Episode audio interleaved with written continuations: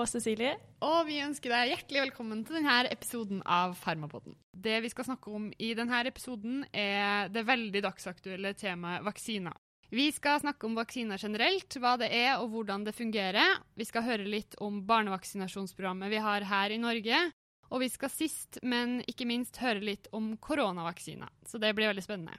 Den som skal lære oss om det her, det er deg, Anne Spurkland. Hjertelig velkommen til Farmapodden. Ja, takk. Vil du fortelle litt om deg selv? Ja, jeg er eh, professor i anatomi. Jeg er eh, spesialist i immunologi og transfusjonsmedisin. Og jeg forsker innenfor molekylær immunologi. Så nå under pandemien med covid-19 så har jeg snakket høyt og lavt om immunforsvaret. Så ja, jeg har syntes at det har vært ganske morsomt. da. Selv om det har vært mye fælt med pandemien, så for en immunolog så har det vært interessante tider. Det er bra noen, eh, noen tar fram eh, fakta også om, eh, om, immunforsvaret og det her. Vi lurer på, Kan du først begynne å fortelle litt hva er egentlig en vaksine? Ja, En vaksine er en behandling som skal forberede immunforsvaret på hva som kan komme.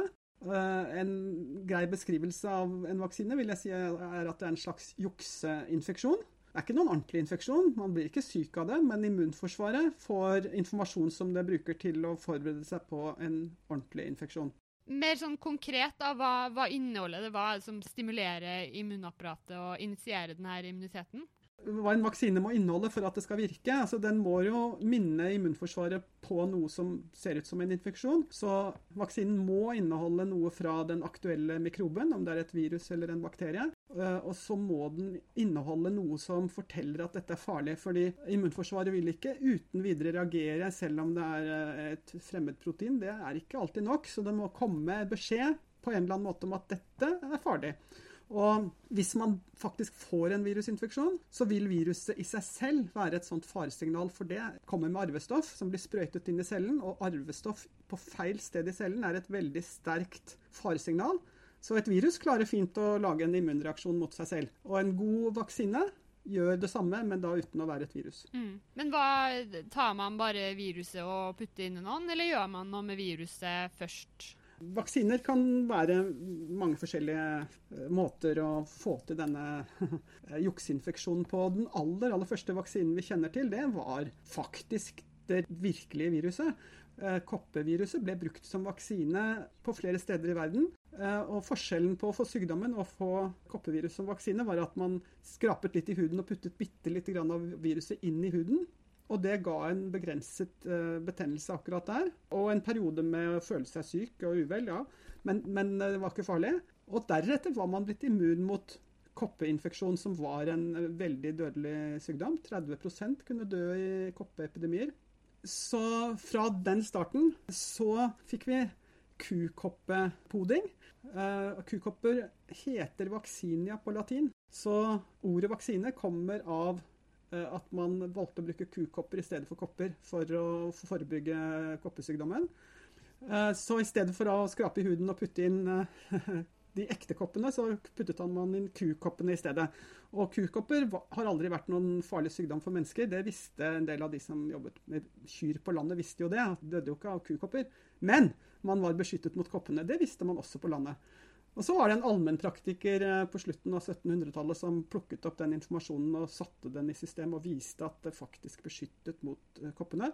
Og bare få år etterpå så var dette alminnelig behandling overalt. Og i Norge, Danmark-Norge så ble det obligatorisk å få kukoppebehandling før du ble voksen. Mm. Du kunne ikke bli voksen hvis du ikke hadde gjort det. Da, da ble du ikke konfirmert. Nei, ikke sant. Eh, så man svekker altså viruset eller bakterien? Ja, så da, da er det to eksempler på ekte infeksjoner.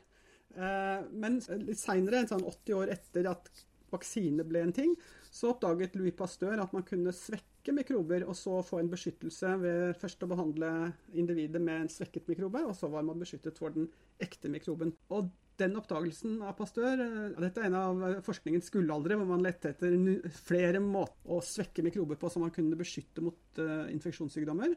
Og i den gullalderen så fikk man bl.a. BCG, altså svekkede mykobakterier som kunne beskytte mot uh, tuberkulose. Og man fikk uh, difterivaksine, som kan beskytte mot uh, difteritoksin. Ja. Uh, men egentlig så, så, viste det seg å være mye vanskeligere enn det, det så ut til først. Altså, det er ikke så mange sykdommer man klarer å behandle med en sånn svekket jukseinfeksjon. Nei. Så. Så, så, når vi da kommer enda litt nærmere vår tid, da, så er den første store vaksinegjennombruddet vil jeg si er poliovaksinen. Hvor polio var blitt sånn, eh, et stort problem, rett og slett. Fordi at det var blitt mer renslig, og så ble ikke barna eksponert for poliovirus mens de var spedbarn. De fikk det seinere. Og dermed så endte noen barn med å få lammelser. Og dette etter hvert et kjempeproblem. Mødrene var pissredde øh, for at barna skulle vokse opp en dag og ikke kunne gå. Ja. Så det var store innsamlingsaksjoner av penger for å få til en vaksine mot polio. Det var litt sånn som nå. Flere tog var satt på det sporet. Flere forskere fikk støtte. Og den som kom først fram til mål, det var han som inaktiverte polioviruset og laget en død vaksine, Salk-vaksinen. Og den fikk vekk polio fra barnebefolkningen i løpet av noen ytterst få år. Wow. Ja, det, det gikk kjemperaskt. Veldig veldig effektivt. Og så neste vaksinen som kom, bare noe rett etterpå, det var en levende poliovirus. Og da hadde jo den første vaksinen løst problemet, så da var det ingen interessert i den levende vaksinen. Men i Sovjetunionen, der hadde de ikke løst noe problem, så de tok den utprøvingen. Og ga alle barna levende poliovirus i sukkertøyform. Og det virket helt fantastisk. Beskyttet som bare rakkeren. Så, så, da var det en stund at man gikk over til den vaksinen. Da. Så i Norge har vi hatt både salkvaksine og levende vaksine, og nå er vi tilbake til død vaksine igjen for polio. Ja, jeg skjønner. Eh, vi har òg gjort litt research og kommet over begrepet adjuvans. Hva er dette? Ja, altså Det er et tilsettingsstoff som fins i vaksiner for å fortelle immunforsvaret at dette er farlig. Mm. Eh, hvorfor man begynte med adjuvans, det er nok ikke av den grunn egentlig. Eh, den første gangen adjuvans ble relevant, tror jeg var når man holdt på å utvikle difterivaksinen. For da viste det seg Man, man arbeidet med difterivaksinen delvis for å lage antiserum mot difteri, som ble brukt som medisin. Så man immuniserte hester for å lage antiserum mot difteri. Og, og, og de som jobbet med det, de prøvde ut litt forskjellige måter for å lage eh, vaksinen for hestene, da, for å få dette effektivt. Ja. Og da oppdaget de at hvis de tok toksinet, som det de skulle lage antistoff mot, hvis de tok toksinet og behandlet det med noen kjemikalier, så ble det mer effektivt. Og hvis de hadde tilsatt eh, aluminiumsalt, så ble det også mer effektivt. Så tanken var at aluminiumsaltet skulle lage et slags depot av toksinet i hestene, og så skulle det langsomt bli frigitt, sånn at de fikk laget masse antistoff. Og, og etter hvert så har altså aluminiumsalt blitt en sånn tilsettingsstoff, en adjuvans, som man ser gir en bedre immunreaksjon. Og så vet man faktisk ikke helt nøyaktig hvordan det virker. Det er liksom eh, hva skal jeg si, det er litt skummelt å si det, men det er immunologens lille skitne hemmelighet. hvordan det virker. Men eh, den depotteorien er nok ikke riktig. Det er nok mer at dette oppfattes av immunforsvaret som eh, farlig, og dermed skal det reageres. Og så har man fått etter aluminiumssaltene aluminiumsaltene, så er det kommet andre former for adjuvans også. Alle sammen har som hensikt å gi det der faresignalet som gjør at immunforsvaret eh, tar dette på alvor. Mm, jeg skjønner. Eh, vi leste òg at noen vaksiner inneholder konserveringsmidler. Ja, hvilken, hvilken, rolle de spiller. Altså, konserveringsmidler er jo nødvendig å ha hvis du lager et proteinløsning som skal stå i et hetteglass, og så skal du injisere det i folk. Så vil jeg si det er bedre at det er et konserveringsmiddel i enn at det ikke er. Okay. For i verste fall blir det jo bakterievekst, og så får du et problem av den grunn. Så, så konserveringsmidler skal man ikke oppfatte som fy-fy. Uh, jeg vil si at det tvert imot har gjort vaksinene tryggere. Ok, så Oppsummert så kan vi si at en vaksine består av to eller tre ting. Et helt eller en del av et enten dødt eller levende virus eller bakterie. Adjuvans, som på en måte er et hjelpemiddel for å øke immunresponsen. Dvs. Si at vaksinene blir mer effektive. Og så inneholder noen vaksiner konserveringsmidler som gjør at vaksinene ikke blir ødelagt når de oppbevares før de settes. Eh, men når man setter en vaksine i kroppen, da, du har jo sagt litt om det, at da får man jo en reaksjon, men vil du fortelle litt mer? Hva skjer? Ja, så Vaksiner settes jo alltid gjennom en sprøyte på et eller annet sted i kroppen, gjerne i skulderen. Enten inni huden. Så BCG-vaksinen i sin tid fikk jeg helt i overflaten av huden som en liten blemme. Eller i underhuden. Eller i muskelen under der igjen. Uh, og akkurat hvilken av de tre måtene man velger, det jeg er ikke sikker på om det er alltid så godt forklart, men det er i hvert fall ofte i muskelen. Denne lille injeksjonen vil jo i seg selv lage en liten skade, så det blir en liten betennelse der. Og uh, det er alltid immunceller rundt omkring i vevet som vil uh, oppdage sånne ting, og komme til stedet, plukke opp hva det nå er for noe som er der, av døde celler og rusk og rask, og ta det med seg til nærmeste lymfeknute. Så det går små lymfårer fra nesten alle steder i vevet tilbake til blodet, og de går via lymfeknuter. Og, lymfeknuter har vi under armene, vi har det på halsen, forskjellige strategiske steder. Så etter at man har fått en sånn vaksine, så vil man kunne få en hoven lymfeknute under armen. Og det skal man være glad for, for det er der det foregår. Så, så disse cellene som har plukket opp vaksinen, og som drar til nærmeste lymfeknute, de vil da si fra til immunceller som er i den lymfeknuten at hei gutter, her er det noe nytt. Nå må dere se på det. Så vil det bli en såkalt immunreaksjon da, ut av det. At noen ytterst få celler, som er der i utgangspunktet, blir stimulert av vaksinen til å dele seg og begynne å produsere antistoffer. Eller hvis det er spesielle celler som kalles T-celler, de er der for å bl.a. drepe virusinfiserte celler. De blir også stimulert. Så da får vi mange av de cellene som kjenner igjen vaksinen. Mm. Men når man har en infeksjon, da, så har man jo den bare én gang. Og så, sånn som varicella og vannkopper har man jo én gang, ja. og så sier man jo at man er immun resten av livet. Men hvorfor må man ha to vaksinedoser? En infeksjon vil alltid ende opp med noen dager med sånn katt og mus-lek, hvor mikroben gjør sine greier, og immunforsvaret gjør sine greier, og så prøver immunforsvaret å kontrollere det, og så går det kanskje en uke, og så er det immunforsvaret som vinner. Ja, ikke sant? Mens en vaksine den er jo ikke noe sånn, det er ikke noen mus, så den sitter jo bare stille, og så blir den borte. Så det tar kortere tid. Og da blir jo ikke immunforsvaret stimulert så mye heller. Så derfor tas ofte vaksiner to ganger. Så først får man første gangen, mm. og så må man vente til uh, hele den prosessen har gått. Det tar, uh, for immunforsvaret tar det et par uker før det er ferdig med det som skjer i lymfeknuten. og Det er kommet mange celler som kan lage antistoffer osv. Og så roer tingene seg. Mm. Og da kan du komme med neste stimulering. Akkurat den samme tingen. Så gjentar alt dette seg, men da er det altså blitt mange flere av de cellene som kan reagere. Så de kommer raskere i gang, lager en kraftigere reaksjon. Og etter andre gangs vaksine så har man stort sett fått en god immunologisk hukommelse med celler som vil leve eh, lenge etterpå, og som vil huske dette til en annen gang. Når man får en vaksine, så blir man jo ikke syk. Man kan merke litt uh, uvelhet og feber og, og, sånn første eller andre dagen, men, men, så stopper det jo. Og det er fordi at da er det ikke noe mer igjen av den vaksinen. Da er immunforsvaret for så vidt ferdig med saken. Ja, og må bli minnet om at dette skal det ta på alvor. Kan man måle denne responsen eller immuniteten på noe vis? Ja, ja, altså man kan jo ikke være sikker på at man er immun før man har opplevd at andre rundt en blir syke, men man selv slipper unna. Ja. Men, men, man kan ha tegn på at man er blitt immun ved at man kan måle i blodet at man har fått dannet antistoffer.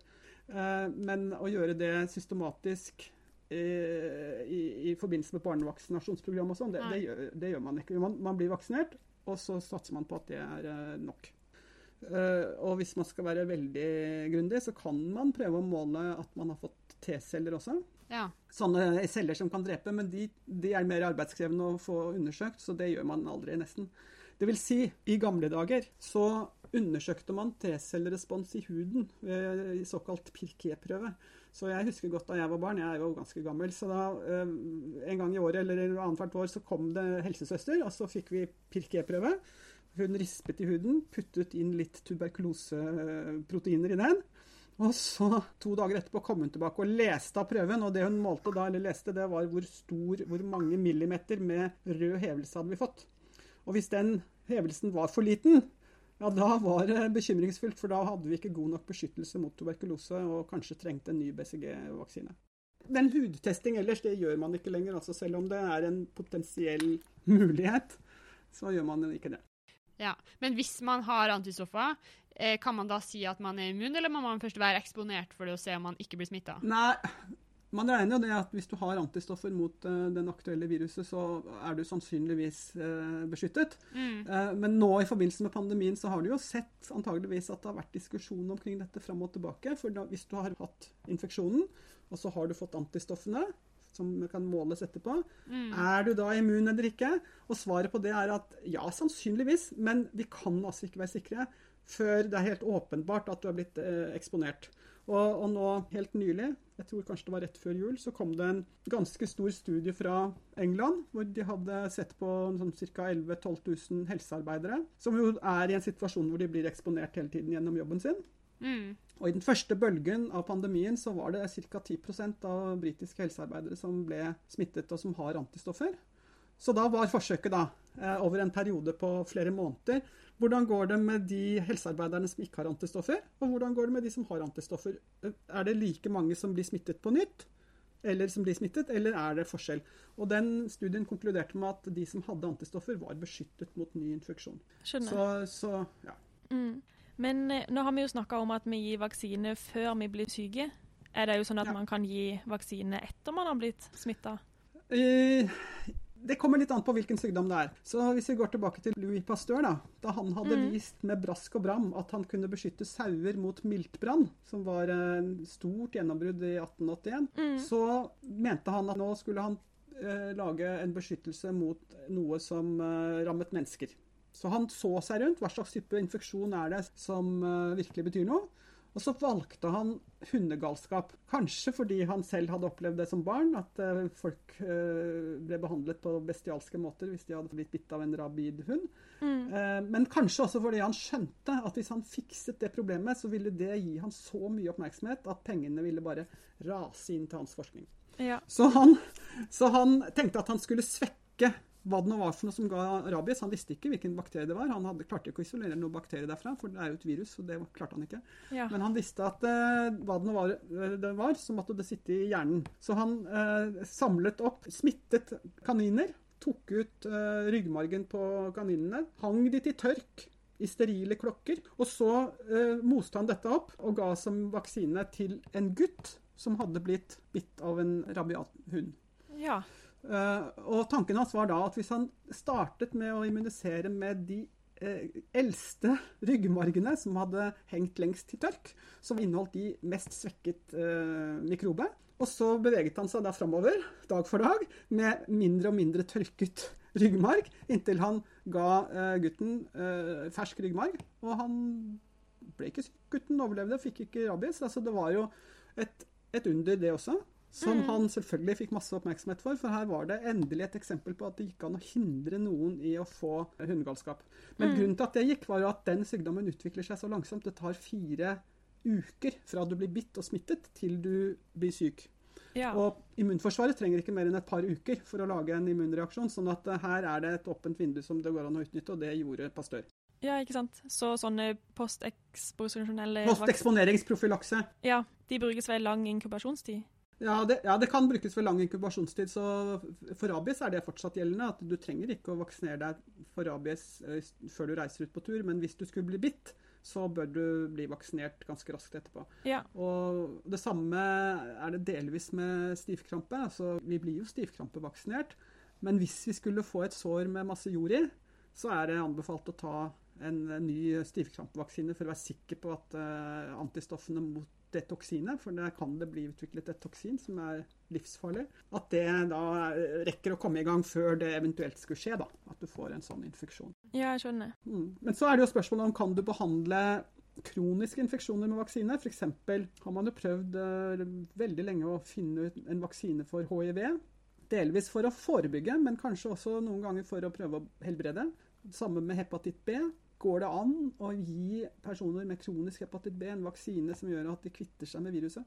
Jeg kommer ikke på noe eksempel nå på at man har klart det uh, ennå. Og kanskje kan det være litt farlig også, fordi hvis du får til en immunreaksjon mot noe som er kronisk, så kan det jo tenkes at det vil gi en ganske mye skade av det aktuelle organet. Ja. Endelig, våkner, endelig våkner immunforsvaret og, og skjønner at her er det et problem. ja, ikke sant. Eh, Er det det som kalles terapeutisk vaksine? Ja, det vil jo kalles terapeutisk vaksine. Og, så det er jo egentlig mer aktuelt i forbindelse med kreft. At du kan eh, vekke immunforsvaret til kamp mot en kreftsvulst du har fått i kroppen, og som har vokst opp på tross av at immunforsvaret ditt burde ha sett det. Da kan du prøve å, å vaksinere den personen mot sin egen kreft, og så håpe at det får kontroll på situasjonen. Og det har vist seg at det går an for noen kreftformer, f.eks. Eh, melanom. Det er såpass immunogent at du kan eh, helbrede, eller iallfall eh, holde folk i live lang tid ved hjelp av immunisering. Ik ikke alle, det går ikke med alle, men det, det har vært tilstrekkelig mange eksempler på at man vet at det er en måte å gjøre det på. Men er det ikke et problem at ofte kreftsvulstene som utvikles fra kroppsegne celler, da, det skjer jo en ukontrollert prosess der, at de er for lik kroppsegne celler? Fordi T-cellene, eller de eh, immuncellene, har jo gjennomgått eh, seleksjonsprosess. Nå er jo opplært å ikke reagere på kroppsegne celler. Ja, ja, det er riktig det. Så immunforsvaret skal ikke reagere på eget vev, og en kreftsvulst kan ligne så mye på eget vev at det blir stoppet opp raskt. Men, men, men, samtidig, en kreftsvulst blir jo Altså, de cellene Det er skjedd noe med dem, så nesten alle kreftsvulster har noen proteiner som er mutert og endret, og de endringene kan immunforsvaret reagere på. Og noen kreftsvulster har mange flere muterte proteiner enn andre, og de er særlig immunogene. altså De, de stimulerer immunforsvaret bedre. Mm. Og prognosen er også tilsvarende god. Så eh, hvis man klarer å få med seg immunforsvaret på laget, så er sjansen for å få overleve kreft, eller iallfall få en lengre levetid med kreft, den, den er betydelig. Så er, men du har helt rett. Det, man, immunforsvaret må ha noe som skiller kreftsvulsten fra resten av vevet. Hvis ikke så, så vil det ikke fungere. Et lite, kan ta et bitte lite forbehold her. og det er at Nå har man også prøvd å lage det er ikke vaksine, men man har prøvd å lage T-celler som direkte dreper kreftsvulsten. Og der er det samme greia. Hva, er det som kjennetegner kreftsvulsten i forhold til uh, alt mulig annet? Og, og, da har man valgt å bruke uh, T-celler som fjerner B-celler. Så man, man har B-cellesvulster, og så sier man OK, disse cellene kan kroppen klare seg uten. Vi kan, vi kan, erstatte det på en eller annen måte. Så vi bare lar immunforsvaret ta knekken på alle celler, uansett friske eller syke. Bare få dem vekk alt sammen. Og så reparerer vi heller konsekvensene etterpå. Uh, så det er jo en måte å gjøre det på. Hvis det er en, en, en, cellefunksjon som tross alt kan erstattes, så kan du slippe immunforsvaret løs da, med en vaksine eller med, med designede immunceller. Ja. Så um, det, er i hvert fall en interessant og spennende utvikling. Og, og, og, eh, det kommer til å komme flere og flere tilbud om vaksinasjon mot kreft. Det som også er spesielt og som er utfordrende her, er at hver enkelt person vil jo være en unik person. sånn at uh, ofte må disse vaksinene designes spesielt for den personen. Og, uh, og det har vært vanskelig og dyrt og kostbart. Men det kan jo tenkes at denne nye teknologien som nå brukes mot covid-19, at den også egner seg for å lage persontilpassede vaksiner. Sånn at hvis du har en mutasjon i et bestemt protein, så kan du kanskje få en mRNA-vaksine som er laget bare for deg, og som får immunforsvaret ditt til å reagere. Mm, det er interessant. Um, er alle vaksiner helt spesifikke, eller er det noen vaksiner som gir immunitet mot flere sykdommer? Nei, altså Immuniteten man får etter en vaksine, er jo i all hovedsak rettet mot den mikroben den vaksinen skal kopiere. da. Uh, og så er det noen eksempel på kryssreaksjoner. sånn at uh, f.eks. kopper og kukopper, de to virusene er ganske like. Så, så, blir du immunisert mot den ene, vaksinert mot den ene, så vil det beskytte mot den andre også. Men det som har begynt å bli mer og mer sannsynlig, mer og mer klart, er at du kan få en bred generell beskyttelse ved å gjennomgå en vaksinasjon Særlig hvis det dreier seg om et, en levende mikrobe, altså levende vaksiner. Levende poliovaksine eller de levende barnesykdomvaksinene. Meslinger, kusma og, og, røde hunder. Alle de tre er levende svekkede vaksiner. Og jeg tror også at influensavaksiner iallfall noen ganger er levende vaksine. Sånne vaksiner, som faktisk gir en liten infeksjon, og ikke bare er en passiv, død sak som immunforsvaret liksom snuser på, mm. det, det, ser ut som om det eh, gir også en langvarig generell beskyttelse mot andre typer infeksjoner og problemer man kan ha. Slik at eh, gevinsten i redusert dødelighet går utover det som kan knyttes direkte til den aktuelle infeksjonen. Og det er, eh, det er, en ganske ny måte å tenke vaksiner på som eh, jeg vil si, det, er, det, kan ikke kalles etablert ennå, men ser, folk begynner å tenke i den retningen. Og hva det er for noe, er litt uklart, men det ser ut som det er medfødt immunforsvaret som på en eller annen måte blir forberedt også, og, og, og trenes opp til å reagere på en adekvat måte, og dermed raskere kommer ut fra startblokka hvis man skulle få en annen infeksjon. da.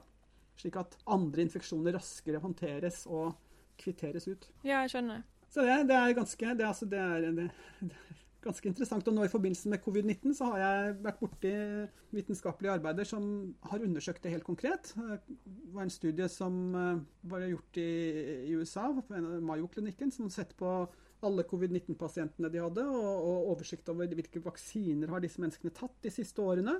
Og så ser man en sammenheng mellom at de som har tatt vaksinene ganske nylig, og særlig levende vaksine, de får mindre alvorlig covid-19. Immunforsvaret deres er bedre forberedt og, og klarer å reagere mer adekvat. Hm, det er kult. Mm. Ja. Eh, men MMR, da, som beskytter mot mesling, kusma og rubella, inneholder de da bare flere mikrober? Ja, da inneholder de tre ulike mikrober på en gang. Ja. Mm. Og, det, og det, er, det, er, jo Dere ville snakke om barnevaksinasjonsprogrammet, og da kom jeg til å tenke på at jeg kan jo ikke alle detaljene her, da. Men, men det at flere At, én vaksine inneholder noe som skal gi immunreaksjon mot flere mikrober på en gang, det er jo helt uh, klart i barnevaksinasjonsprogrammet. Så der har vi difteri, stivkrampe og kikhoste. Det gis som én felles vaksine, hvor de tre tingene er puttet i samme sprøyte. Og det er lettere, da blir det ikke så mange stikk for den ungen. Uh, og for immunforsvaret så spiller det ikke noen rolle. altså Det klarer å håndtere flere ting på en gang. Så det, det, det er ikke noe problem. Du nevnte jo barnevaksinasjonsprogrammet, og det ja. tenkte vi å spørre deg litt om også. For det er jo vaksiner som er anbefalt eh, fra Helse- og omsorgsdepartementet, som tilbys alle barn. Mm. Eh, hvis du skal si noen ting om det Vi trenger ikke å gå i detalj på alt, men eh, vil, du, vil, du, si noe om det? Ja, altså det, Jeg har jo allerede innrømmet at jeg kan jo ikke disse tingene på rams. For eksempel, så har jeg ikke helt trekk på når helt nøyaktig vaksinene gis. Eh, og jeg har vel heller ikke trekk på nøyaktig akkurat hvor mange forskjellige vaksiner som inkluderes nå. Men det som eh, jeg vet, og som er viktig, er at dette er et frivillig tilbud. Slik at man blir ikke tvunget i Norge til å vaksinere barna sine, men man blir jo varmt og kanskje sterkt oppfordret til det gjennom besøkene man har på helsestasjonen. Så helsestasjonen er et tilbud til alle norske familier, hvor man forventes å møte opp og ta en sjekk på ungene sine. Og der får man også tilbud om vaksiner. Og de vaksinene man da får, blir registrert. Så norske myndigheter har god oversikt over nøyaktig hvem det er som har fått vaksiner, og når det var sist. Så hvis man vil vite hvilke vaksiner man har tatt selv, så skal Eh, myndighetene ha oversikt over det, i hvert fall i rimelig Altså det er jo altså, De har ikke oversikt over hva jeg fikk som barn, for det har, det har de ikke skrevet opp. Men, men, fra de begynte å registrere dette, så har de oversikt. Mm. Så, så, det man vaksinerer barn mot, er typiske barnesykdommer, og som har vært trussel for barns helse, som har eh, ført til mye dødelighet hos barn, eller alvorlig sykdom. Og som også har gitt veldig mye bekymring hos foreldrene.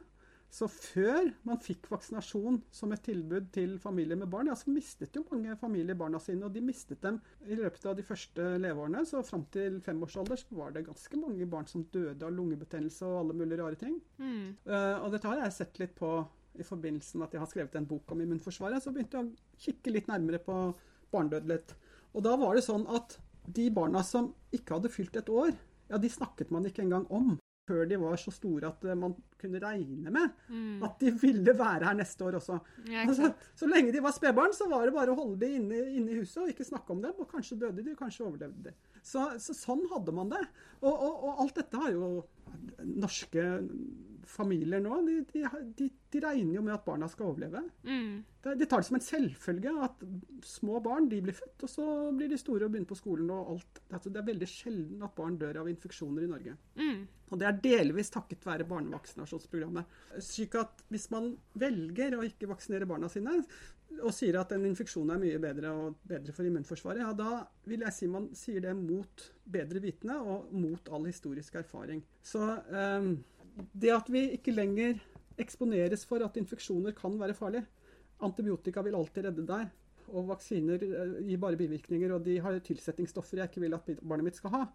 Eh, da har man etter min mening et historisk feil perspektiv. Covid-19 har jo vært en påminning. da. Heldigvis har det ikke rammet barn. Heldigvis. Det kunne det jo ha vært, men det har det heldigvis ikke gjort. Men det har jo minnet oss om at det går an å dø, dø av infeksjoner. Absolutt. Absolutt. Nei, altså Hvis du syns jeg har snakket litt for lite om barnevaksinasjonsprogram, da, så kan si litt til. Særlig, det er jo, no, de, mange av disse vaksinene som gis, er jo egentlig ukontroversielle. Uh, slik at hvis folk er skeptiske mot vaksinene, så er det ikke nødvendigvis alle, men noen. Og den vaksinen som spesielt har kommet i, eh, i skuddlinjen, er uh, meslingevaksinen. Og grunnen til det er at det for jeg tror det er nå 15 eller 20 år siden, så kom det en vitenskapelig artikkel som rapporterte at meslingvaksine kunne gi autisme hos barn. Og den studien var en forfalsket studie. Dataene var funnet på. Alle studier siden har ikke kunnet vise at det er noen sammenheng mellom autisme og vaksinering. Og likevel så brukes det som et argument for at det er bedre for mitt barn å få mesling i infeksjonen enn det er å få vaksinen. Og da snakker vi altså om at noen mener at det er bedre å få selve det virulente viruset som lager sykdom, som kan drepe, som kan gi langvarig sykdom. Det kan gi hjernebetennelse, så barnet mister uh, uh, alle funksjoner. Det er bedre med et sånt virus enn med et svekket meslingvirus. Ja. Som gir en begrenset infeksjon. Ja. Så, uh, så det, jeg syns ikke det er noe særlig logikk her. Nei. Men, men i tillegg så vet vi nå Vi har visst skjønt i mange år at meslinger er en spesiell infeksjon som har spesielle eh, effekter på immunforsvaret. Men i fjor så kom det to studier som viste helt konkret hva dette handler om. Fordi det er såpass mange nå i USA som ikke vil barn, la barna bli vaksinert. Så man kan jo kontakte disse familiene og spørre ja, ok, du vil ikke la barnet vaksineres, men skulle du få meslinger, kan vi da få ta en blodprøve av barnet ditt? Og det har vært greit. Så Jehovas vitner har stilt opp med sine barn når de har fått meslingene, og så har man kunnet se i blodprøver hvordan det går med de barna. Og da viser det seg at meslinginfeksjonen fjerner tidligere gjennomgåtte infeksjoner. Hukommelsen for tidligere gjennomgåtte infeksjoner blir delvis visket ut. Uh, hukommelsen for tidligere vaksiner blir delvis visket ut. Og etter gjennomgått meslinginfeksjon, så er barnet satt immunologisk sett flere år tilbake. Slik at det er mer utsatt for å skulle få en eller annen barneinfeksjon eller en annen altså, det, er mer utsatt, mer sårbart enn det var før det fikk meslingeinfeksjonen. Slik at familier som da sier at uh, de tror at dette styrker immunforsvaret, de tar så feil som det går an å ta. Så, um, så, jeg vil si at etter den studien der, så, så, burde det være mulig å overtale og forklare foreldre at du gjør din barn en bjørnetjeneste ved å mm. la det få den virulente infeksjonen i stedet for å få jukseinfeksjonen for å beskytte mot meslinger. Ja, ikke sant. Hm. Ja, det visste jeg ikke, men det var veldig interessant. Ja. Vi er jo vaksinert, vi skal ikke snakke så mye om det, ja. men, men uh, siden den gang så har bl.a. rotavirusvaksinen kommet, og vi har hørt fra pediatrisemesteret at det har redusert mange innleggelser med små barn som er syke av gastroenteritt. Eh, og så har jo HPV-vaksinen også kommet etter stort eh, fokus på, på cervixkancer. Men BCG-vaksinen, ja. som vi tok og har sånn pent arr på, på siden av armen, den er borte. Kan du Ja, den er borte. Ja, Er den helt ute nå? BCG-vaksinen er helt ute for de aller fleste i Norge. Før så var den jo en del av barnevaksinasjonsprogrammet. Vi fikk den jo som i puberteten. Og den ga jo langvarig sår og puss, og det var jo stort styr. Mm. Men den beskyttet ikke så veldig godt mot tuberkulose. Og særlig i vårt samfunn hvor det er eh, nesten ingen tuberkulose og vi blir ikke eksponert for eh, den bakterien, så har ikke BCG-vaksinen noen nytteverdi. Men den blir fortsatt gitt til spedbarn, faktisk. Som har foreldre som har kontakt med land hvor eh, tuberkulose er et problem. Så f.eks. barn som har en russisk mor, og som kan komme til å reise til bestemor i Russland, de får eh, BCG-vaksine eh, noen uker etter fødselen. Ja, ikke sant? Så den blir fortsatt brukt for barn, fordi det, det viser seg at eh, BCG beskytter barn mot uh, mykobakterieinfeksjon i, i spedbarn og, og småbarnsstadiet. Mm, mm. Ja, så det er Russland, afrikanske land, og er det noen andre land? Ja, Nei, jeg tror kanskje også at land i Asia er det samme. Ja, ikke sant. Eh, og så er det jo sånn at man får jo ofte boosterdoser etter hvert da, i barneårene eh, og, og senere hvert tiende år. Er det av samme ja. grunn som du snakka om i sted, at man må ha to doser for å rett og slett på en måte gi det en kraftig nok reaksjon? Ja, det, det, Ja. Altså, det handler jo om hva består den immunologiske hukommelsen av, og hvor lenge varer den. Og immunologer kan ikke si forklare det der ordentlig. Så, eh, og, og, særlig når det er snakk om en sånn eh, toksinvaksine, altså eh, difteri og stivkrampe, som gir en relativt begrenset um, stimulering av immunforsvaret, så, så, kan det være at den hukommelsen den varer ikke så mange år. slik at hvert tiende år er det rimelig å, å fylle på den. Særlig hvis man vet at man kan bli eksponert. Så jeg har tatt den vaksinen hvert tiende år fordi jeg har reist en god del til Afrika. Og, og nå begynner man jo å oppfordre voksne til å ta en sjekk på barnevaksinene sine for å f.eks. ta kikhostevaksinen om igjen. Fordi det mm. begynner å bli tilfeller av voksne som faktisk får kikhosteinfeksjon fordi den beskyttelsen de hadde fra vaksinen ikke er god nok lenger. Ja.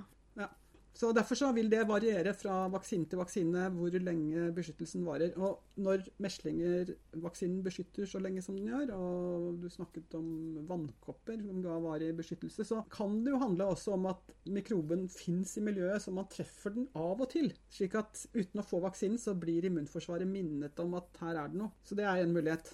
Mm. Men det er også sånn at enkelte, enkelte infeksjoner gir eh, livsvarig eh, immunitet. Altså 100-åringer har blitt eh, sjekket, og de har fortsatt antistoffer mot spanskesyken. Ja, ikke sant. Det er imponerende. Men så har du jo unntaket, da. Sånn influensa den tydeligvis jo hvert år. Hva er årsaken til det? Influensavaksinen er eh, jo spesielt fordi viruset er spesielt. Det, det viruset eh, forandrer seg litt fra år til år. Eller vil si det viruset som kommer vår vei, er et annet virus enn det som kom i fjor. Mm. Nettopp fordi at eh, det er det viruset som klarer å, å komme forbi immunforsvaret. Altså, Mm. Du får ikke den samme to ganger fordi vi har Vi er immune mot den i fjor, Ja, men vi er ikke, den, vi er ikke immune mot den nye som kommer. Og, og influensaviruset er bygget opp på en slik måte at det ganske lett kan flytte rundt på arvestoffet sitt og lage ny overflate. Ser liksom litt nytt ut hvert år, og dermed er det nok til at immunforsvaret ikke umiddelbart slår det ned, men må ha noen dager. Og da lager vi nye vaksiner for at i hvert fall de som er i risikogruppen, kan få hjelp med å, å kjenne det igjen før viruset faktisk kommer. da. Mm. Du sa også tidligere at uh, de fleste vaksinene får man i skuldra, enten i huden eller muskel. Men jeg har vært ute og reist uh, ikke så mange ganger, men et par ganger. Og da måtte man altså drikke noen vaksiner. Hva er grunnen til det? Ja, nei, drikkevaksine det er jo da vaksiner du vil skal virke i tarmen. Og det kan nok tenkes at på sikt, sånn i framtiden, når immunologer har bare fått undersøkt sakene enda grundigere, så vil en del flere vaksiner bli gitt på slimhinner der hvor infeksjonen kommer. slik at eh, hvis det er snakk om noe i tarmen, ja da drikker du det. Og er det snakk om eh, en infeksjon i underlivet, ja kanskje du skal få vaksinen satt av gynekologen din da, i underlivet.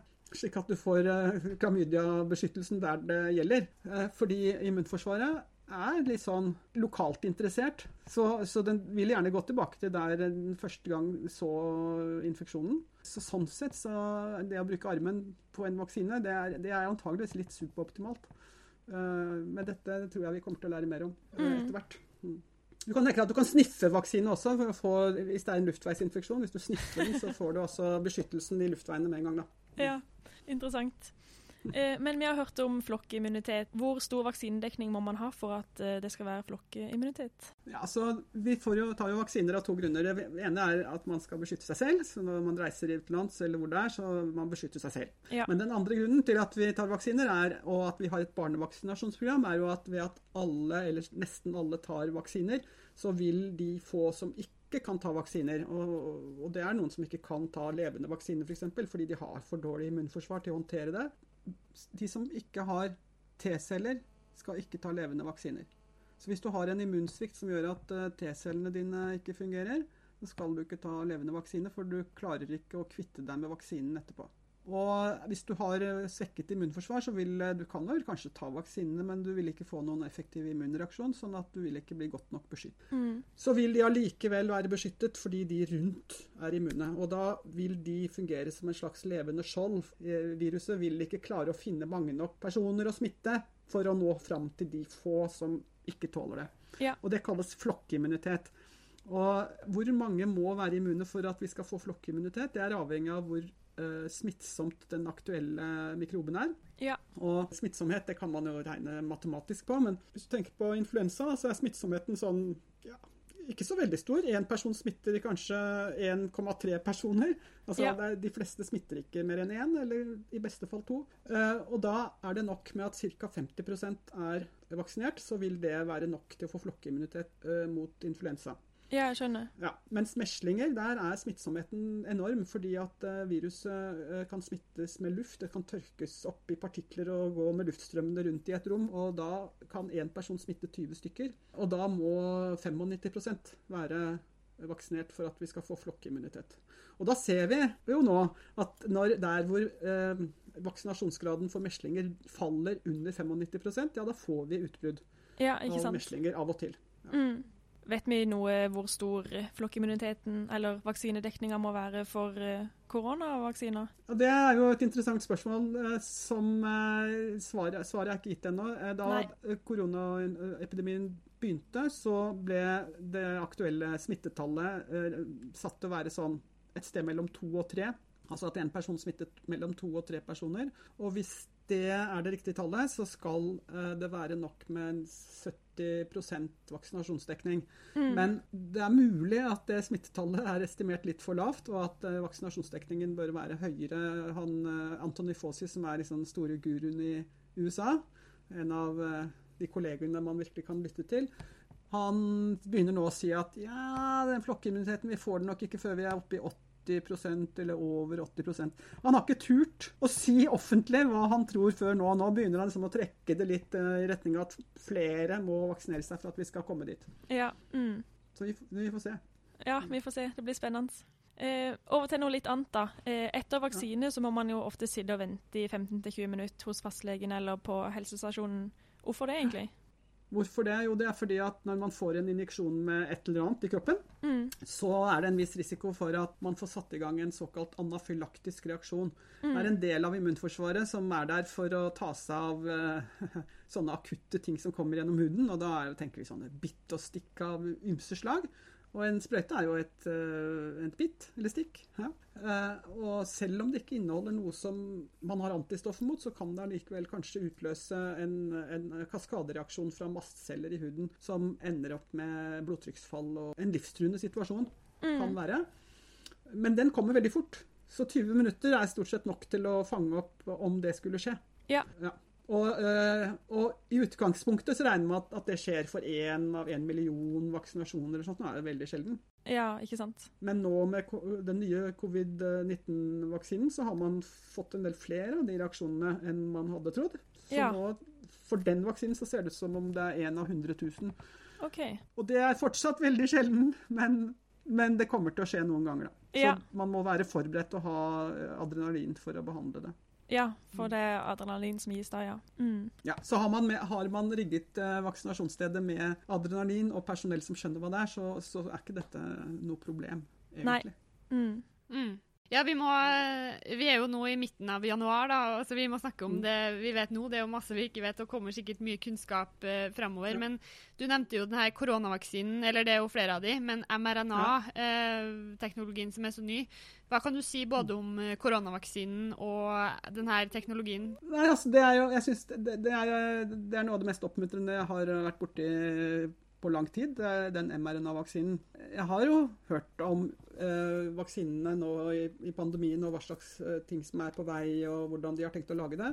Inkludert mRNA-vaksinen, men det er først når jeg nå har sett resultatene at jeg virkelig har, eh, har tatt liksom inn over meg hva, hvor genialt det der er. Mm. Eh, og da kan jeg jo forte meg å si, før jeg snakker videre, at noen mener at dette har gått for fort, dette er hastverkarbeid, dette kan umulig være trygt. Eh, og da må vi bare si at nei, dette har ikke gått for fort. Dette har man jobbet med i mange år. mRNA-vaksiner har man jobbet med i mange år. Vi kanskje ca. 20 år siden dette kom som en idé første gang. Først i forbindelse med vaksinasjon mot kreft, og siden med tanke på nettopp å lage vaksiner raskt under en pandemi. Og man har løst masse tekniske problemer som uh, har vært nødvendige.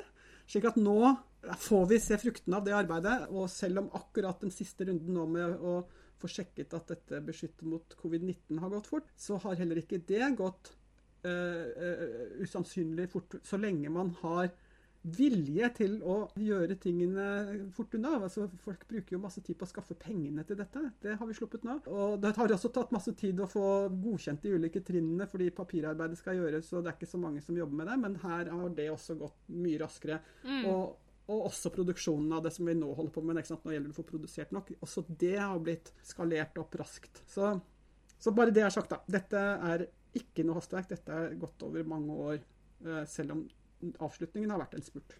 Ja, Og nå venter jo hele verden på denne vaksinen, så da er det vel, eh, ja, som du sier, penger er lett tilgjengelig, og ressursene, det er ikke det det står på. Ja, forhåpentligvis så er jo dette veien ut av eh, pandemien. At vi får vaksinert mange nok til at vi kan slutte med disse restriksjonene. Mm. Men, eh, men i hvert fall, hvorfor er jeg så begeistret for mRNA-vaksinen? Og Nå snakket, startet vi jo med å snakke om at vaksiner er en slags form for jukseinfeksjon. Hvor immunforsvaret må for det første bli eksponert for selve viruset på en eller annen måte. Altså noe fra viruset som det kan kjenne igjen. eh, Og så må det få beskjed om at dette er farlig. Og da sa jeg også at hvis du kommer med et virus, så inneholder viruset både proteiner som eh, um, eh, immunforsvaret kan eh, reagere på, Men det inneholder også en klar beskjed om fare. Så det å få et fremmed arvestoff inn i cellen, det er farlig. Det betyr virus. Det er starten på en katastrofe. Og immunforsvaret har mange måter å reagere på da. Og nå kommer vi altså med et mRNA. Det er et arvestoff som da blir injisert som vaksine. Og det er cellene selv som skal lage proteinene til viruset, så vi trenger ikke å bruke tid på å få det i orden, for det klarer cellene bedre enn noen.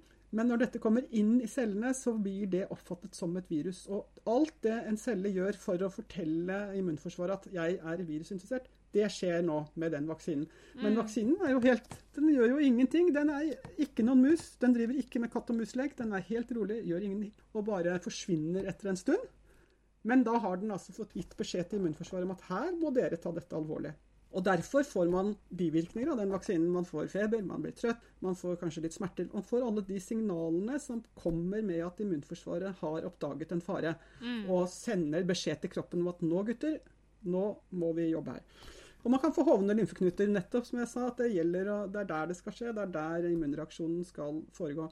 Så når man får denne mRNA-vaksinen, så vil den gå inn i cellene i skulderen, eller i immunceller som da går til lymfeknuten. I begge tilfeller så lages proteinet fra viruset. Det er spike-proteinet vi snakker om da. Det er taggeproteinet som er litt ikonisk, som stikker ut av viruset, koronaviruset. Mm. Det blir laget, og så får immunforsvaret beskjed om at dette her må du reagere på.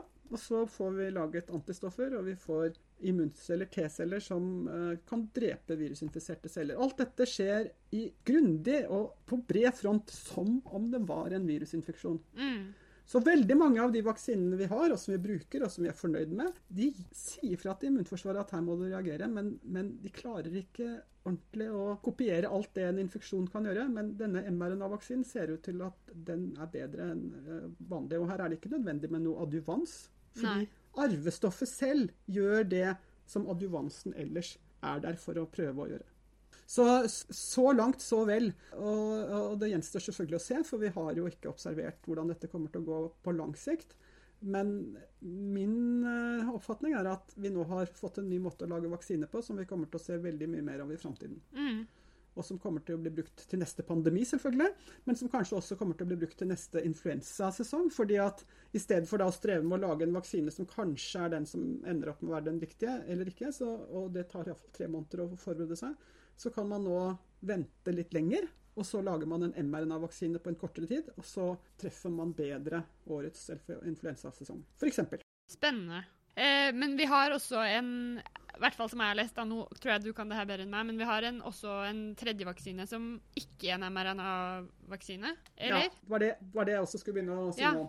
Så vi har, det, nå er det tre vaksiner som er godkjent i Europa. Eller vil si Europa, i England er det godkjent eh, denne tredje vaksinen som kalles Oxford AstraZeneca-vaksinen. Jeg tror ikke den ennå er godkjent i, i EU, men eh, den ligger eh, på trappene. Den kommer nok til å bli godkjent. Og det er en annen måte å lage vaksine på enn mRNA. Den er basert på et um, forkjølelsesvirus som uh, finnes hos sjimpanser. Eh, og så har man inni det forkjølelsesviruset puttet genet for spike-proteiner, slik at forkjølelsesviruset kler seg opp som koronavirus. Og så får man en immunreaksjon både mot forkjølelsesviruset og mot koronaviruset eh, på en gang. Så det, det eh, sprøytes også inn i skulderen og går inn i celler og, og gjør virusting. Så dette, dette også, den, den vaksinen også, vil fungere eh, som å gi beskjed til immunforsvaret at dette her er alvorlig, her er et virus, nå må gjøre dette alvorlig. Og der er resultatene Beskytter den, er den like bra som mRNA-vaksine? Altså, jeg syns kanskje at Oxford-vaksinen har kommet litt uheldig ut. fordi at eh, de har gjort undersøkelser i flere land og flere teststeder, og så har det vært litt uklart om eh, både intervallet mellom første og annen dose og også dosene. sånn at de har litt variable tall på hvor effektivt dette er. Men eh, sannsynligvis så beskytter også den vaksinen eh, bra så lenge den blir gitt med et tilstrekkelig stort avstand mellom første og andre dose. Ja, ikke sant? Det som er en potensiell begrensning ved den måten å lage vaksine på, er at hvis man begynner å lage en kraftig immunreaksjon mot selve eh, forkjølelsesviruset, som liksom er bæreren her, så kan jo hele vaksinen forsvinne fortere enn det som er passe. Uh, og Derfor har de valgt sjimpanse, fordi vi har ikke noe immunreaksjon mot sjimpanseforkjølelsesvirus ennå. Nei. Og dermed så vil ikke det være noe problem. Ikke ved første dose, det er ikke noe problem ved første dose. Men det kan jo kanskje være et problem ved andre dose. slik at etter hvert, når man har fått mer erfaring og fått summet seg litt her, så kan det tenkes at det å kombinere AstraZeneca-vaksinen dette forkjølelsesviruset med en Mm. annen eh, boost, sånn at man ikke tar den samme boosten som man fikk som den første injeksjonen. Det, det er en mulig, mulig utvikling etter hvert nå. Mm, ikke sant. Eh, vi har også fått med oss på store overskrifter at eh, man stadig finner nye mutasjoner da, av eh, koronaviruset, står det jo mest om nå. Og annet som er mer Ja. smittsom og som eh, utfolder seg litt annerledes. Og nå venter vi jo, vi har starta vaksineringa og venter i spenning på at eh, flere skal få det. Men, men er man redd for at den vaksinen ikke virker på de nye mutasjonene som stadig utvikles? Nei, foreløpig så, så er man ikke det. Og delvis så kan man jo undersøke det direkte. Altså, jeg tror både Pfizer og Moderna er veldig ivrige etter å finne ut akkurat om de to variantene som nå er blitt fokus på, om de også dekkes opp av antistoffer som vaksinen har utløst. Og så langt eh, så ser det sånn ut. Og helt generelt så kan man si at det at det kommer mutasjoner i et protein som viruset bruker for å infisere våre celler, det er ikke helt overraskende. De, viruset kan ikke forandre seg mer enn at det fortsatt kan feste seg på våre celler, så det vil alltid være et seleksjonspress for at det skal klare det. Eh, Og dermed så er det en begrensning i hvor stort, hvor mye forandring kan det bli. Så, så lenge vaksinen er bred nok og ikke bare fokuserer nøyaktig på den delen av spike som trengs for å feste seg på våre celler, ja, så er jeg rimelig trygg på at det skal en del til også at viruset klarer å fjerne seg helt fra immunreaksjonen. Det kan kanskje tenkes at uh, beskyttelsen vi har ikke er så bra at, at vi ikke blir syke engang. Altså at man kan bli litt uh, syk av korona, det kan tenkes. Men det hovedmålet her er jo å hindre at man blir alvorlig syk. Altså, det blir som poliomyelitt. Vaksinen eh, beskytter faktisk ikke mot infeksjon, så den eh, døde poliovaksinen beskytter ikke mot infeksjon, men den beskytter mot det alvorlige forløpet av sykdommen. Ja. Eh, og jeg tror vi skal være ganske fornøyd. Hvis eh, vi slipper alvorlig covid og slipper overfylte sykehus, ja, så får vi bare akseptere da, at vi har fått en ny eh, infeksjon inn i, i verden. Absolutt. Men over tid så, så er det ikke utenkelig at koronaviruset som vi holder på med nå, kommer til å forandre seg, og at det da over tid vil være behov for å lage en oppdatert vaksine, og at alle blir, får en ny boost på det. Ja. det, det sånn som med influensa. Ja, ikke sant. Mm. Eh, vi var jo litt innom det i stad, men generelt i forbindelse med vaksine så er det jo en del skeptisk, enten om det er mRNA-vaksine eller ei. Er det mange eh, som er skeptiske, eller er det kun en liten andel? Det er jo vanskelig å vurdere, vil jeg si. Jeg, jeg møter den skepsisen i all hovedsak eh, når jeg er innom sosiale medier. Ja, Og jeg må jo innrømme at jeg oppsøker ikke skepsisen. Men når jeg ser den, men når jeg ser den så blir jeg jo sjokkert over hva folk kan finne på å tenke og tro omkring vaksinen. Spesielt er det mange som påstår og tror at disse tre vaksinene som nå er aktuelle, som baserer seg enten på mRNA eller på DNA, eh, og at det er hovedsaken med vaksinen, at det skal gi mulighet for genetisk endring av våre egne celler. jeg har hørt om dette. Det, det kan man se bort ifra som et problem, vil jeg si. Et virus gjør jo akkurat det samme. Får man en virusinfeksjon, så er det akkurat det man får. Man får fremmed DNA inn i våre celler.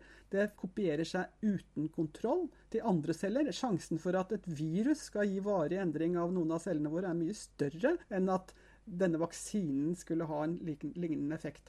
Så ja, det hender jo faktisk at kreft oppstår etter en virusinfeksjon, ja. Men sjansen er jo mye større hvis du får virus enn om du får vaksinen. Og for vaksinen, jeg vil si at for mRNA-vaksinen så er det nærmest helt utelukket, fordi molekylet er ustabilt og blir brutt ned.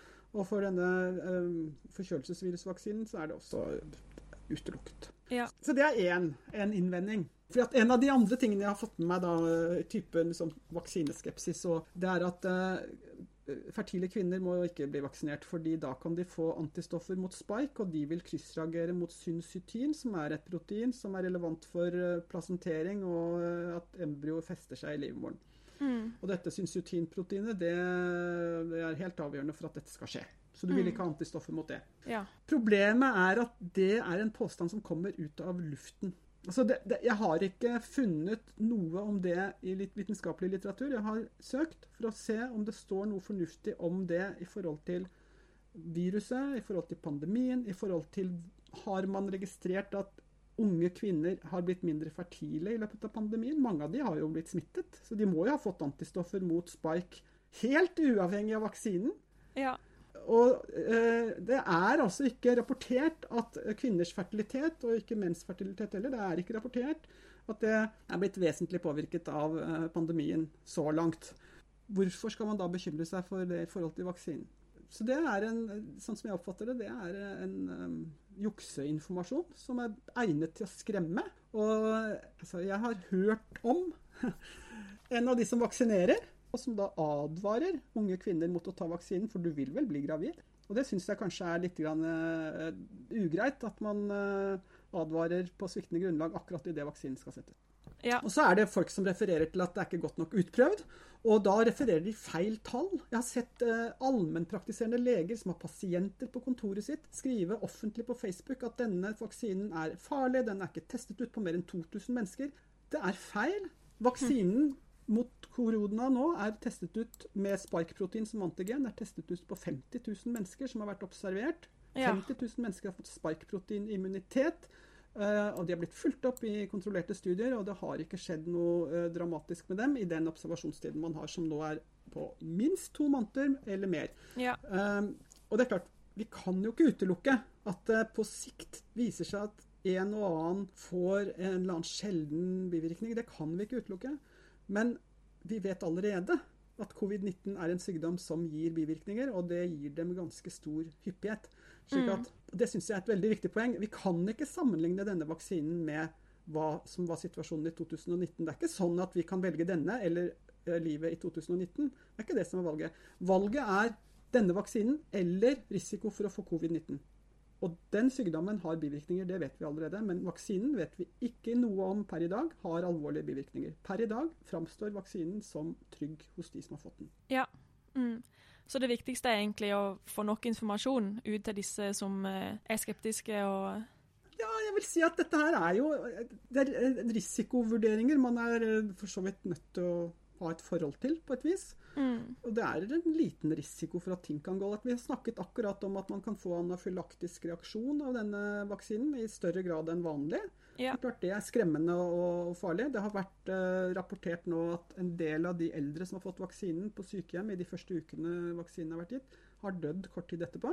Ja. Gamle mennesker som får en vaksine som gir feber og smerter og, og sånt noe. Ja, kanskje er det det som utløste at de døde, men de var jo veldig skrøpelige på forhånd. Så, Mens de som da har alminnelig god helse, hos dem så har det ikke vært rapportert eh, noe spesielle dødsfall. Jo, forresten skal vi være helt oppriktige, og sånn, så har jeg fått med meg at det er én person i USA som nå har dødd av en eh, blodplatemangel som kom tre dager etter at vedkommende fikk vaksinen. Og På hvilken måte det henger sammen med vaksinen, er det foreløpig ingen som vet. Det blir undersøkt.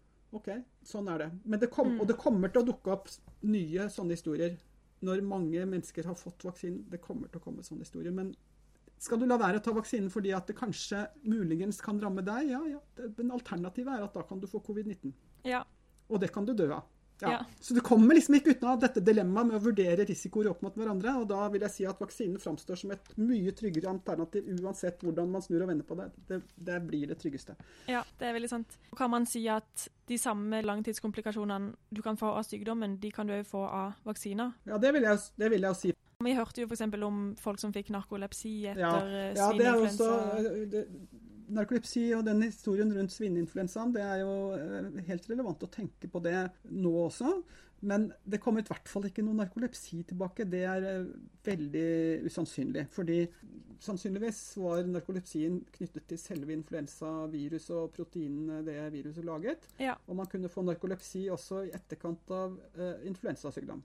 Ja. Så hvis, det, så hvis det kommer noe nå etter, i etterkant av eh, vaksinasjonen med, mot koronaviruset, så vil det være noe annet som vi ikke kan forutsi nå.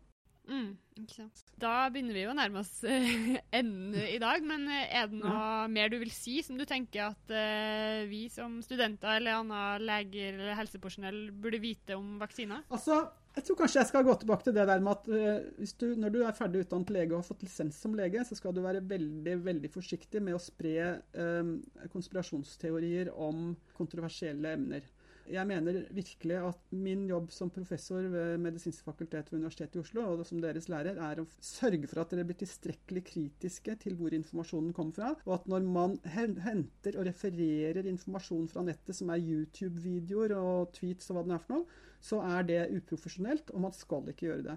Jeg mener at som fagperson profesjonsutøver, så skal man hente informasjonen fra der den er eh, kvalitetssikret, og det er i vitenskapelig litteratur som er fagfellevurdert.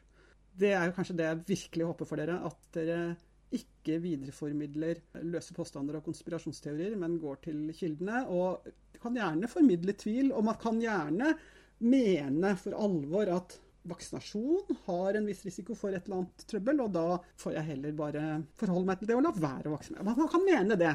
Det, det, det, går an å mene noe om. Men, men, man kan ikke videreformidle ting som åpenbart er feil. Nei når man, er, når man, er, utdannet ved universitetet, ja, da må man prøve å holde seg til det som er vitenskapelige sannheter. For det fins fortsatt vitenskapelige sannheter som man kan eh, forholde seg til. Og det vi vet så langt om covid-19-vaksinen, er at den er uh, vitenskapelig godt dokumentert. Det er gjort store kliniske undersøkelser som er, hvor all informasjon er offentlig tilgjengelig. Og så langt så er den trygg. Så kan det selvfølgelig tenkes at det kommer ny informasjon som forandrer på det, men, men per i dag så er det sånn det er. Ja. Nei, men uh, tusen hjertelig takk. Jeg har lært uh, masse nytt om vaksiner. Vi har jo lært litt om immunologien, da. Altså, det er litt repetisjon da, av immunologi, ja, ja. for det, jeg forutsetter vel egentlig at dere kan disse tingene. Og hvis man syns at det ligger litt langt bak, så, så har jeg, jeg skrevet en bok som man kan kose seg med på sengen, som heter Immun. Kroppens evige kamp for å overleve. Og jeg, har, jeg skriver jo en blogg hvor jeg fra tid til annen kommer med nye innlegg. Og nå har det vært mye om pandemien, da. Så det går jo an å finne få repetert ting, hvis man syns at dette er litt vanskelig. Ja. Nei, men uh, tusen uh, hjertelig takk, Anne. Ja. Takk for at jeg ble invitert.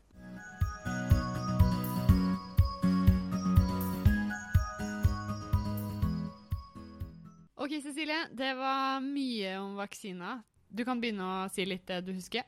Ja, men jeg tror du må hjelpe meg litt etter hvert her. Jeg husker i hvert fall at en vaksine er et preparat som brukes til å stimulere immunapparatet, sånn at man blir immun uten å gjennomgå en sykdom. Og en vaksine inneholder enten en levende bakterie eller virus, eller en død eller inaktivert bakterie eller virus, eller en del av mikroorganismen, f.eks. et protein, polysakkarid, DNA eller mRNA. I tillegg inneholder vaksine adjuvans, som øker immunresponsen, og konserveringsmidler som gjør at vaksinene ikke blir ødelagt når de oppbevares. Når vaksiner kommer inn i kroppen, enten i huden, muskelen eller lokalt i tarmen, vil det skape en inflammasjon lokalt, og så vil kroppens celler reagere og starte prosessen med å produsere antistoffet og beskytte kroppen. Immunresponsen påvises oftest ved at man ser at man ikke blir syk hvis man har vært eksponert for smitte, men man kan òg måle antistoffet i serum, eller eventuelt måle T-celler, men det er veldig arbeidskrevende. Vaksine gis oftest profylaktisk, altså før man møter mikroben, men noen vaksiner kan òg gis etter man har blitt eksponert, og da særlig hvis inkubasjonstida til mikroben er lang, f.eks. ved rabiesvaksine etter hundebitt. Her tar det så lang tid å få sykdommen at en vaksine har tid til å få beskyttende effekt. Terapeutiske vaksiner er mest aktuelt ved kreft og eventuelt kroniske infeksjoner.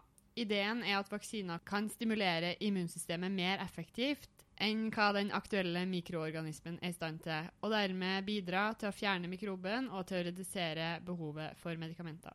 Vaksiner kan enten være satt sammen av flere mikrober, f.eks. MMR-vaksinen eh, som gis mot meslinger, kusma og rubella, eller den kan inneholde én mikrobe som kan beskytte mot flere mikroorganismer som er beslekta eh, med denne sykdommen, rett og slett som ligner. Dette kalles kryssreaktive vaksiner, og et eksempel er kukoppvaksinen. Vi har barnevaksinasjonsprogrammet, som er det anbefalte vaksinasjonsprogrammet for norske barn og ungdom fastsatt av Helse- og omsorgsdepartementet. Alle barn skal tilbys vaksinasjon etter dette programmet, men all vaksinasjon er frivillig. Seks uker gammel tilbys barn den første vaksinen, som nå er rotavirusvaksinen. Den er relativt ny og har gitt en betydelig reduksjon av antall innleggelser på barneavdelinger på de ulike sykehusene. Vaksiner generelt har gitt en betydelig redusert barnedødelighet i Norge. Formålet med en vaksine er enten å beskytte enkeltindividet, men òg å oppnå flokkimmunitet, som vil si at spredninga av sykdommen hindres hvis det i en befolkning er nok individer som er immune. Hvor stor vaksinedekninga må være for å oppnå flokkimmunitet, avhenger bl.a. av hvor smittsom sykdommen er. For influensa, som ikke er så smittsom, må vaksinedekninga være ca. 50 For meslinger, som er veldig smittsomt, må vaksinedekninga være ca. 95% Flokkimmunitet skal beskytte de som ikke kan ta vaksine, f.eks. de med svekka immunforsvar, eller enkelte som er allergiske mot komponenter i vaksiner. På vaksineringsstedet så må man alltid ha adrenalin tilgjengelig i tilfelle en anafylaksireaksjon oppstår. Det er veldig sjeldent at det oppstår. Det er ca. én av én million. Så snakka vi litt om koronavaksinen, eller vaksinene. Per nå medio januar 2021 er det tre godkjente vaksiner i Europa. To av dem er såkalte mRNA-vaksiner. Mange tror at mRNA-vaksiner er en veldig ny metode som er utvikla altfor raskt, men sannheten er at denne metoden har man jobba med å utvikle i mange år. En av grunnene til at det nå har gått relativt raskt å utvikle denne typen vaksiner mot korona, er jo at man har sluppet langvarige prosesser som f.eks. søking av økonomiske midler, fordi store deler av verden har vært på tilbudssida der, og alt nødvendig papirarbeid har blitt prioritert og ikke måttet ligge og vente med lange behandlingstider. Årsaken til at mRNA-vaksiner kan være så effektive, er at de fungerer på samme måte som genene våre. Når mRNA-vaksinen kommer inn i celler, lager celler proteiner. De her proteinene er de samme som sitter på overflata av koronaviruset, de såkalte spike-proteinene. Kroppen vil da oppdage de her som fremmed, og immunsystemet aktiveres. mRNA-vaksiner er derfor i seg sjøl en adjuvans. Den virker som en virusinfeksjon, rett og slett. Den siste koronavaksina per nå som er godkjent i Europa, er en tradisjonell vaksine. Som helsepersonell så er det viktig å spre evidensbasert kunnskap om vaksiner. Mange vil stole på deg, så sørg for at du kjenner til vitenskapelige sannheter, og verken tror eller videreformidler alt du ser og hører på sosiale medier. Takk for at du lytta på denne podkasten, og vi håper du likte temaet. Eh, du må gjerne stille oss spørsmål eller ta kontakt på sosiale medier eller mail. Vi høres igjen. Ha det bra. Ha det!